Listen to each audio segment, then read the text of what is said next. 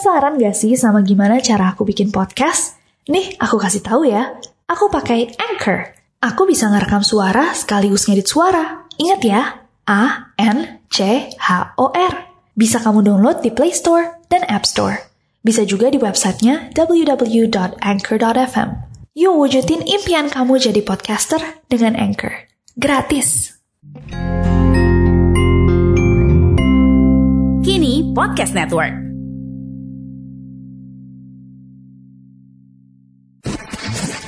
Hey guys, it's Nancy. And welcome back to Nero. To Nero. To Nero. And remember that when you challenge the demonic, it doesn't act at that particular given time. Mm-hmm. It waits until you are the most vulnerable.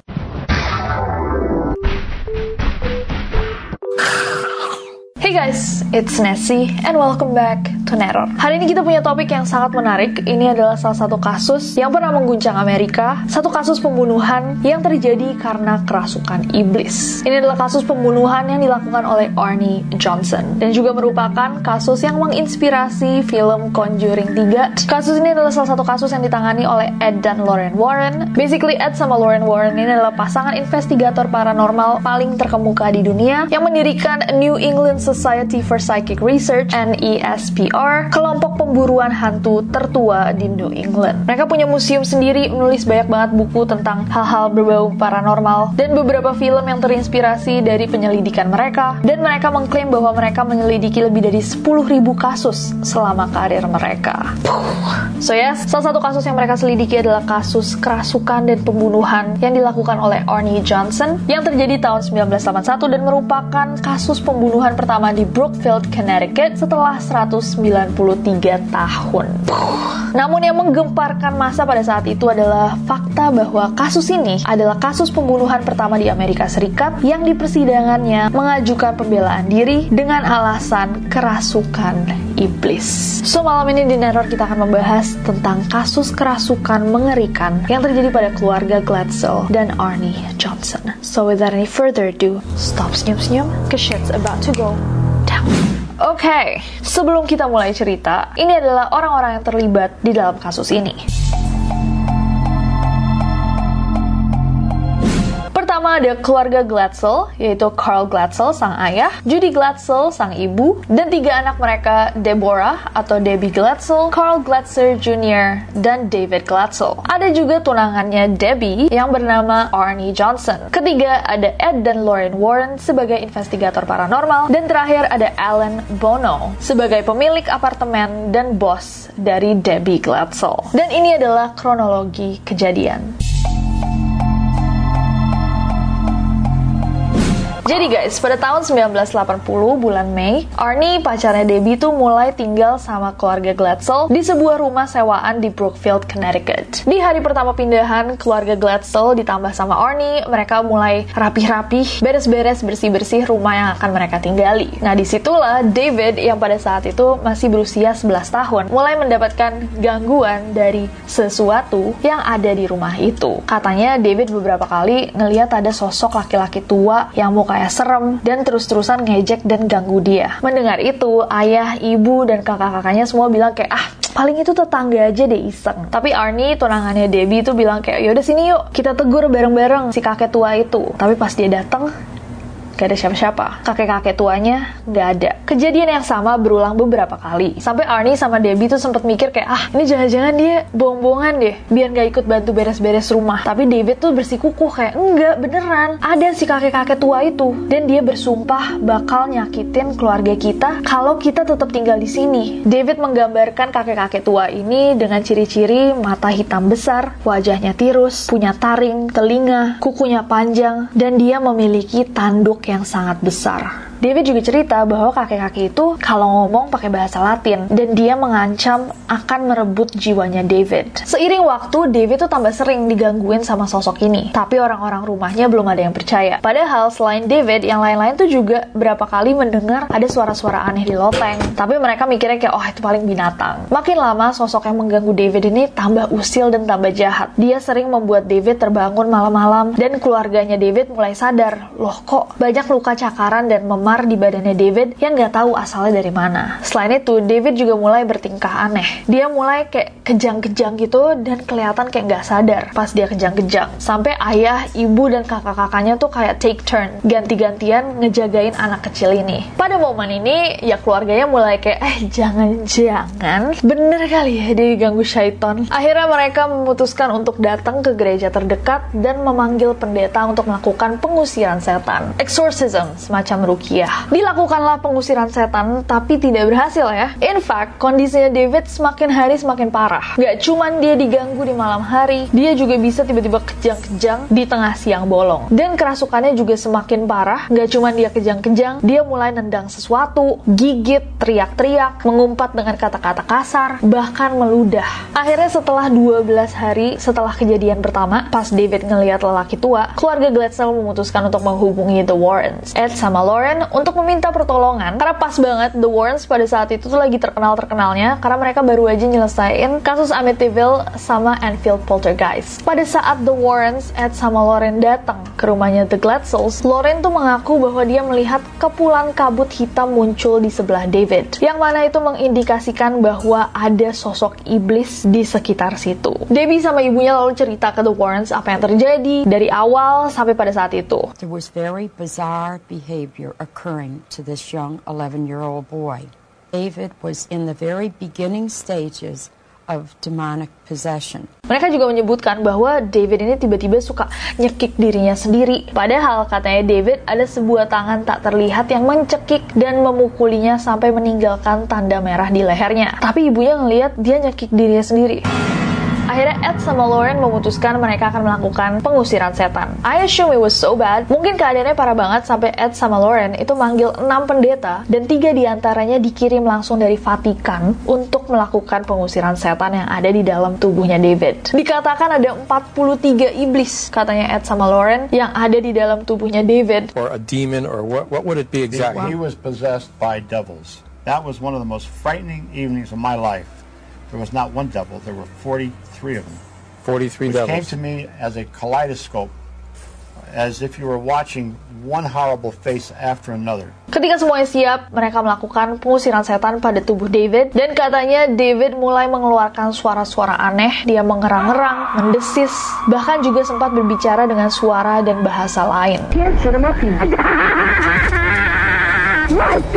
Ritual pengusiran setannya juga tidak dilakukan hanya sekali, tapi beberapa kali dan selalu didampingi oleh pendeta dari gereja setempat. Nah, di ritual yang terakhir, The Warrens mengaku bahwa mereka melihat David itu mulai melayang, terbang, dan dia terombang-ambing kanan kiri kayak boneka dan sempat berhenti bernapas untuk beberapa saat. Dan ini bagian yang paling aneh. Katanya, during that exorcism session, ketika mereka melakukan pengusiran setan ini, David tuh sempat meramalkan bahwa Arnie akan membunuh seseorang. drawing or something like that, and he'd be concentrating on what he was doing. And then he would look up, and it was no longer a little 11 year old boy. Now, this 11 year old boy would become extremely strong. I seen nights when it would take four and five men to hold him down. At one time, he actually broke the mother's nose, I believe. Oh iya guys, aku mau sharing kalau aku bikin podcast ini langsung pakai Anchor loh. Selain bisa diupload langsung ke Spotify, di Anchor ini juga bisa tambahin back sound, kasih sound effect. Pokoknya Anchor ini ngebantu banget deh buat kamu yang mau bikin podcast keren dengan cara yang super simple. Bahkan kita bisa gunain di smartphone, jadi di mana pun kapan pun kita bisa langsung rekam, edit, terus upload deh. Yuk download Anchor di Play Store dan App Store. It's totally fun and free. Melihat kejadian ini, Ed sama Lauren menyimpulkan bahwa David ini dirasuki iblis. Dan iblisnya kayaknya datang dari sebuah sumur yang ada di dekat rumahnya mereka. Katanya sumur itu tuh adalah rumah bagi iblis dan setan-setan jahat. Diceritakan bahwa prosesi pengusiran setan ini sangat-sangat intens guys. Teriak, mencakar, menjambak, menendang, dan lain-lain. Sampai pada suatu saat, pada Oktober tahun 1980, Arnie yang pada saat itu bertunangan sama Debbie. So basically calon kakaknya David itu nggak kuat ngelihat David disiksa sama iblis. Akhirnya di tengah dia lagi menahan badannya David, dia pun berteriak, "Udah, stop ganggu dia. Bawa aku. Tinggalkan David sendiri. Tinggalkan teman kecilku sendiri. Bawa aku aja." And Arnie Johnson, uh, who was a young man, but he made a fatal mistake, and he, he screamed at these devils, "Take me on! Leave my little buddy alone. Tapi kalau kita baca-baca di artikel-artikel, dibilang bahwa dia memprovokasi dan mengejek, bukan yang kayak menyerahkan dirinya sebagai pahlawan gitu, tapi lebih kayak udahlah gue aja gitu kali. Nantang dia, nantang, nantang ex ngejek. Nah setelah dia nantang iblis itu, malamnya diceritakan bahwa Arnie ini hampir saja mengalami kecelakaan saat dia kehilangan kendali setir dan mobilnya hampir menabrak pohon. Di situ Arnie mikir kayak, oh jangan-jangan iblisnya marah beneran karena saya ejek dan saya tantang. Arnie lalu balik ke rumahnya Debbie, ke rumah keluarga Glatzel dan memutuskan untuk ngecek sumur yang disebut sama The Warrens. Dia penasaran tentang iblis yang selalu mengganggu David. Katanya Arnie sempat melihat dengan mata kepalanya sendiri sosok iblis yang selama ini mengganggu David dan keluarga Glatzel. Pas dia ngeliat ke sumur itu langsung blok dia kesurupan. Dipanggillah pendeta setempat untuk mengeluarkan setan yang sekarang ada di tubuhnya Arnie. Pendeta sama keluarga Glatzel berpikiran bahwa oh kayaknya dia adalah korban setelahnya. Akhirnya Arnie sama Debbie itu memutuskan untuk pindah dari rumah Glatzel ke sebuah apartemen kecil milik seorang laki-laki bernama Alan Bono yang jaraknya nggak terlalu jauh juga dari rumah keluarga Glatzel. Selain punya apartemen itu, ternyata si Alan Bono ini juga punya bisnis grooming anjing gitu. Dan karena Debbie waktu itu nggak punya kerjaan, akhirnya dia ditawarin untuk kerja di situ. Sementara Arnie kerja di salah satu perusahaan kontraktor. Namun sayangnya, upaya mereka untuk keluar dari rumah keluarga Glatzel untuk menjauhi iblis itu tidak berguna sama sekali. Karena Arnie ini tetap aja kerasukan-kerasukan dan diganggu-ganggu iblis bahkan di apartemen baru mereka. Kalau pas kerasukan, Arnie ini jadi aneh gitu. Dia suka teriak-teriak, menggeram seperti binatang, berhalusinasi. Tapi setelah itu pas sadar, dia nggak inget apa-apa. Dari situ, Debbie sama Arnie sadar bahwa gangguan iblis itu nggak cuma ada di rumah keluarga Glatzel, tapi akan terus mengikuti Arnie ke mana pun dia pergi. Kronologi pembunuhan.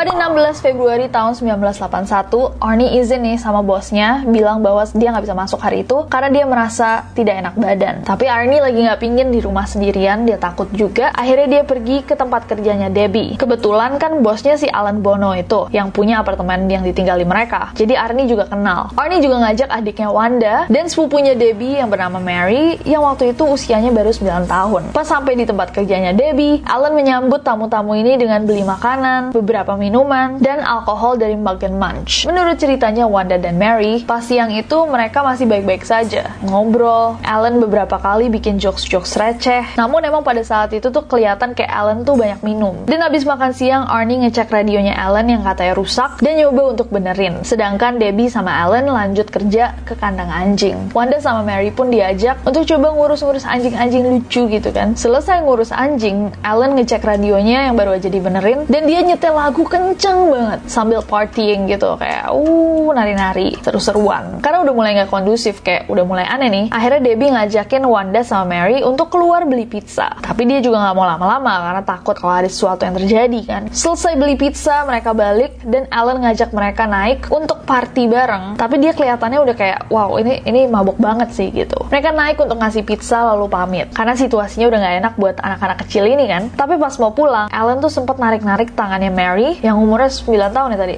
Apa 11 9 tahun dan gak ngebolehin dia pulang. Kayak udah sini aja sini aja kita nari-nari gitu. Debbie pada saat itu menepis tangannya Alan lalu menarik Mary. Mary lalu lari ke mobil dan Wanda ngumpet di balik tubuhnya Arnie. Katanya di situ Wanda Alan sama Debbie sempat mendengar Arnie menggeram sebelum akhirnya jalan ke arahnya Alan memukulinya dan menusuknya berkali-kali dengan pisau lipat berukuran 5 inci sekitar 130 mm dan Alan pun akhirnya meninggal di tempat beberapa jam kemudian.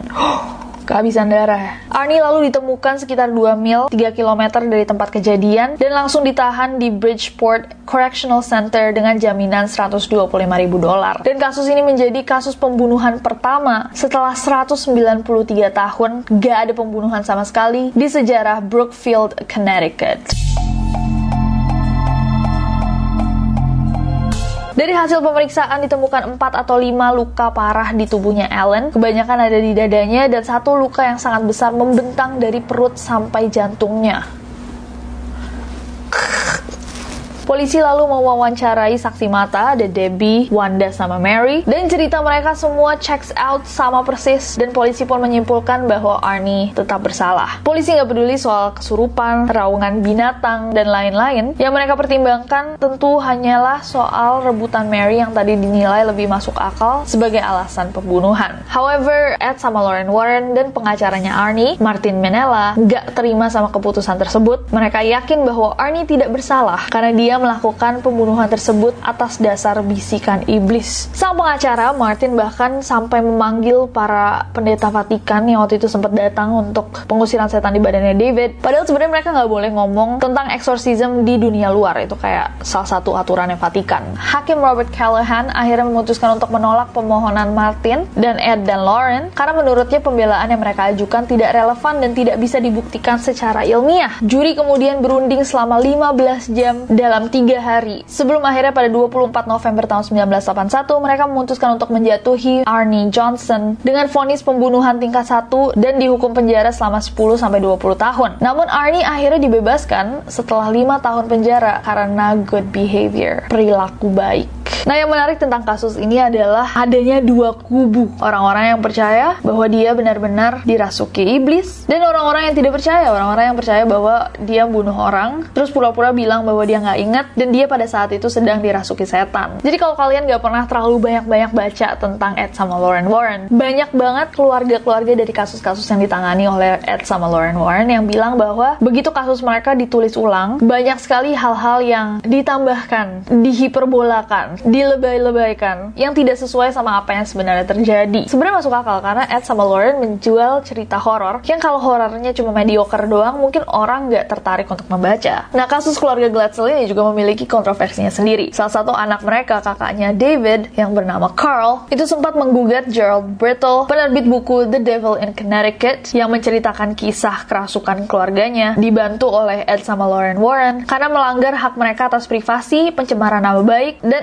intentional affliction of emotional distress atau penderitaan tekanan emosional yang disengaja. Carl juga mengatakan bahwa Ed sama Lauren Warren mengeksploitasi keluarganya demi uang dan ketenaran. Dia bilang pada The Associated Press pada tahun 2007 bahwa David memang menderita penyakit mental sejak masih kecil, tapi sekarang dia udah sembuh. Dan Carl Jr. juga cerita bahwa bapaknya, Carl Sr., denied telling the author that his son was possessed. Jadi sang ayah menyangkal memberitahukan para penulis bahwa anaknya kesurupan. And lastly, pengacaranya Arnie sendiri, Martin Manella, bilang bahwa Johnson himself never claimed that an evil spirit forced his hand. Only that he didn't remember plunging a knife five times into Alan Bono. Arnie Johnson sendiri gak pernah bilang bahwa ada roh jahat yang memaksa tangannya, cuma bahwa dia tidak ingat menusuk Alan Bono dengan pisaunya lima kali. So sekarang aku mau tahu pendapat kalian. Apakah kalian percaya bahwa ini adalah kasus kerasukan atau ini adalah kasus yang menggunakan alasan kerasukan untuk menyelamatkan Arnie dari hukuman? Karena gila banget loh, dari hukuman seumur hidup kalau dia benar-benar bunuh Alan Bono, dia cuma dapat hukuman 10